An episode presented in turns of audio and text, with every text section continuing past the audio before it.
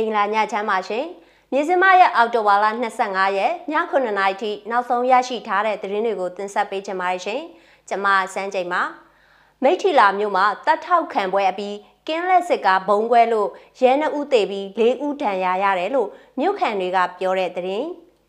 မန္တလေးမြို့နေနေရာမှာစစ်တပ်လုံခြုံရေးထူထပ်စွာနဲ့တတ်ထောက်ခံပွဲလုပ်တဲ့သတင်း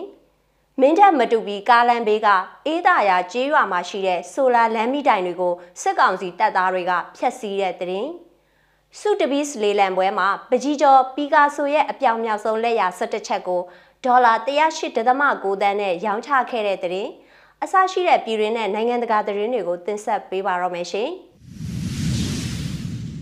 မိထီလာမျိုးကသတင်းနဲ့စားလိုက်ချင်ပါတယ်။ မန္တလေးတိုင်းဒေသကြီးမိထီလာမြို့မှာဒီကနေ့အောက်တိုဘာလ25ရက်မနက်ပိုင်းကကျင်းပပြုလုပ်တဲ့အာနာသိန်းစစ်ကောင်စီတပ်ထောက်ခံပွဲအပြီးမိထီလာအမှတ်နဲ့ရဲစခန်းရှေ့မှာရပ်ထားတဲ့ကင်းလက်စစ်ကားဘုံပေါက်ကွဲခဲ့လို့ရဲနှဦးသေဆုံးပြီး၄ဦးထိခိုက်ဒဏ်ရာရရှိသွားတယ်လို့မြို့ခံတွေကပြောပါတယ်။ကင်းလက်တာဝန်ယူနေတဲ့ရဲတပ်ရင်35ကရဲနှဦးသေဆုံးပြီးနောက်ထပ်ရဲ3ဦးနဲ့စစ်ကောင်စီတပ်သား2ဦးတို့ထိခိုက်ဒဏ်ရာတွေရရှိသွားခဲ့တယ်လို့ဆိုပါတယ်။ ပောက်ကွဲမှုကတော်တော်ကြဲကြဲကြားလိုက်တယ်ဈေးထဲမှာလည်းလူတွေဝယုံသုံးကားဖြစ်သွားတယ်နောက်ဆုံးသိရတာကရဲတက်ရင်35ကရဲနှစ်ဦးသေးတယ်လို့ကြားတယ်ကင်းလက်ကားပေါ်မှာပေါက်တာတဲ့တချို့လမ်းတွေပိတ်လိုက်တာရှိတယ်အခုတော့ဖွင့်လိုက်ပြီလို့မိထီလာဒေတာခန်တအူးကပြောတာပါဒီလိုဘုံခွဲတိုက်ခိုက်ခံရပြီးတဲ့နောက်မှာ အာနာသိန်းစစ်ကောင်စီတပ်သားတွေကမိထီလာဈေးအနီးမှာရှိတဲ့လမ်းတွေကိုပိတ်လိုက်ပြီးတော့စက်တိုက်ပစ်ခတ်မှုတွေစစ်ဆေးရှာဖွေမှုတွေလည်းပြုလုပ်ခဲ့တယ်လို့မြို့ခံတွေကပြောပါတယ်။တနက်နဲ့လက်လမ်းပေါ်ကြံရစ်ခဲ့ပြီးစစ်တပ်ကလမ်းပိတ်လို့တနက်နဲ့ဆက်တိုက်ပစ်ခတ်နေပြီးတော့ရုပ်ရှင်ရုံလမ်းစူပါဖိုက်အရှိတွေမှာလည်းတနက်နဲ့ဆက်တိုက်ပစ်နေတယ်လို့မိထီလာဒေသခံတအူးက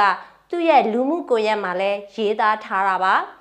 အဲ့ဒီဘုံပေါက်ကွဲမှုနဲ့ဆက်ဆက်ပြီး Zero Army Brigade 1အဖွဲ့ကထီလာပြည်သူပြည်သားတွေအနေနဲ့တည်ရေးရှင်ရေးကိစ္စကလွဲလို့အပြစ်မထွက်ခြင်းအမှတ်မထင်မြင်ခဲ့ကြားခဲ့တာတွေရှိရင်လည်းနှုတ်ဆက်နားပိတ်နေခြင်းနဲ့ပြည်သူဘက်တော်သားမြို့နေပျောက်ကြားတပ်ဖွဲ့တွေကိုတစ်ဖက်တစ်လမ်းကကူညီအားဖြည့်ပေးကြပါလို့သူတို့ရဲ့လူမှုကွန်ရက်စာမျက်နှာမှာထုတ်ပြန်ထားပါတယ်။အာနာသိန်းအကြမ်းဖက်စစ်တပ်ကိုထောက်ခံကြောင်းတပ်ထောက်ခံပွဲတွေကိုဒီကနေ့အောက်တိုဘာလ25ရက်မနက်ပိုင်းက နေပြည်တော်ကောင်စီနယ်မြေအပါအဝင်မိထီလာမြို့ပြင်ဦးလွင်မြစ်ကြီးနားမော်လမြိုင်မဒရာမြို့စလင်းမြို့နဲ့ကံမမြို့နယ်တို့မှာပြုလုပ်ခဲ့ကြပါရရှင်မန္တလေးမြို့ကတရင်နဲ့ဆက်ရရင်တော့မန္တလေးမြို့မှာအာဏာသိမ်းစစ်တပ်ထောက်ခံပွဲကိုနေရာနှစ်နေရာမှာစစ်တပ်လုံခြုံရေးထူထပ်စွာနဲ့ဒီကနေ့အောက်တိုဘာလ25ရက်နေ့လယ်တနာရီအချိန်လောက်မှာပြုလုပ်ခဲ့ပါတယ်။ စစ်တပ်တပ်စခန်းချထားတဲ့မန္တလေးနန်းတွင်အရှိဘက်နဲ့မြောက်ဘက်အဝင်ဝအနီးစုရက်ပြုလုပ်ပြီးတော့လူအသွားလာနေတဲ့66လမ်းပေါ်မှာတပွဲပြုလုပ်ပြီးရတနာပုံတရိษံဥယျာဉ်အနောက်ဘက်မန္တလေးမိုးကုတ်လမ်းပေါ်မှာတပွဲပြုလုပ်ခဲ့တာပါအဲ့ဒီထောက်ခံပွဲကိုလက်နက်နဲ့လုံခြုံရေးဝတ်ဆောင်အပြည့်ဝတ်ဆင်ထားတဲ့ရဲနဲ့စစ်သားတွေအပြင်အရက်ဝတ်လက်နက်ကင်တွေကပါလမ်းတလျှောက်လုံခြုံရေးယူပေးတာကိုတွေ့မြင်ခဲ့ရပါတယ်ရှင်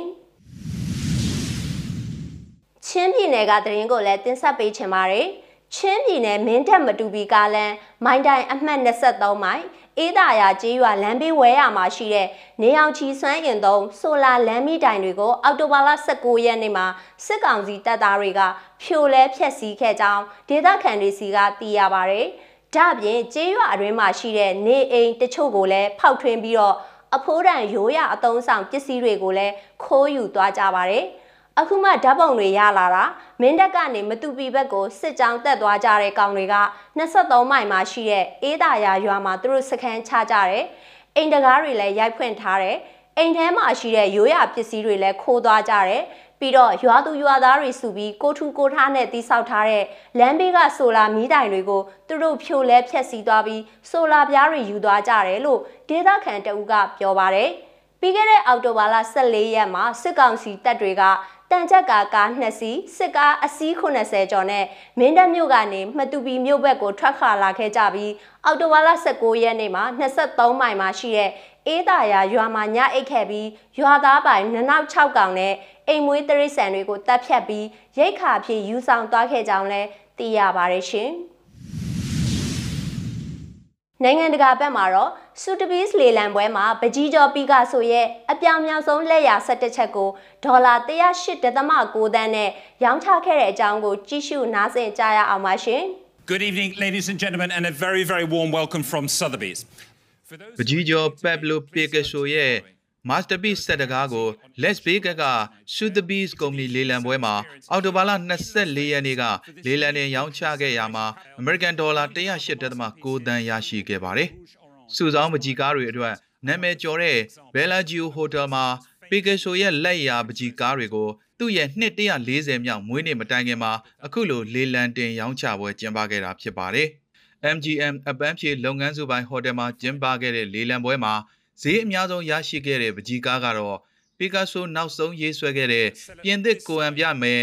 Mary Teresi Walter ရဲ့ပုံတူပကြီးကားတွေကတစ်ခုဖြစ်တဲ့လိမ္မော်နီအုတ်ထုံနဲ့အမျိုးသမီးခေါင်းစဉ်ပါပကြီးကားပဲဖြစ်ပါတယ်ပီကာဆိုဟာ Mary Teresi Walter 18နှစ်အရွယ်မှာစတင်ချစ်ကြိုက်ခဲ့ပြီးသူ့ရဲ့အအောင်မြင်ဆုံးပကြီးကားတွေအပေါ်များစွာလွှမ်းမိုးခဲ့ပါတယ် အဆိုပါပကြီးကားကိုကြမ်းကင်းစေးဒေါ်လာတန်း20နဲ့30ကြားသတ်မှတ်ခဲ့ပေမဲ့40.5တန်းခန့်ရရှိခဲ့ပါတယ်။ဖီဂါဆိုရဲ့အမှုပညာဇန်အဝင်စားဆုံးနဲ့ပကြီးကားအစွဲနိုင်ဆုံးအချိန်1938ခုနှစ်မှာရေးဆွဲခဲ့တဲ့သူ့ချစ်သူ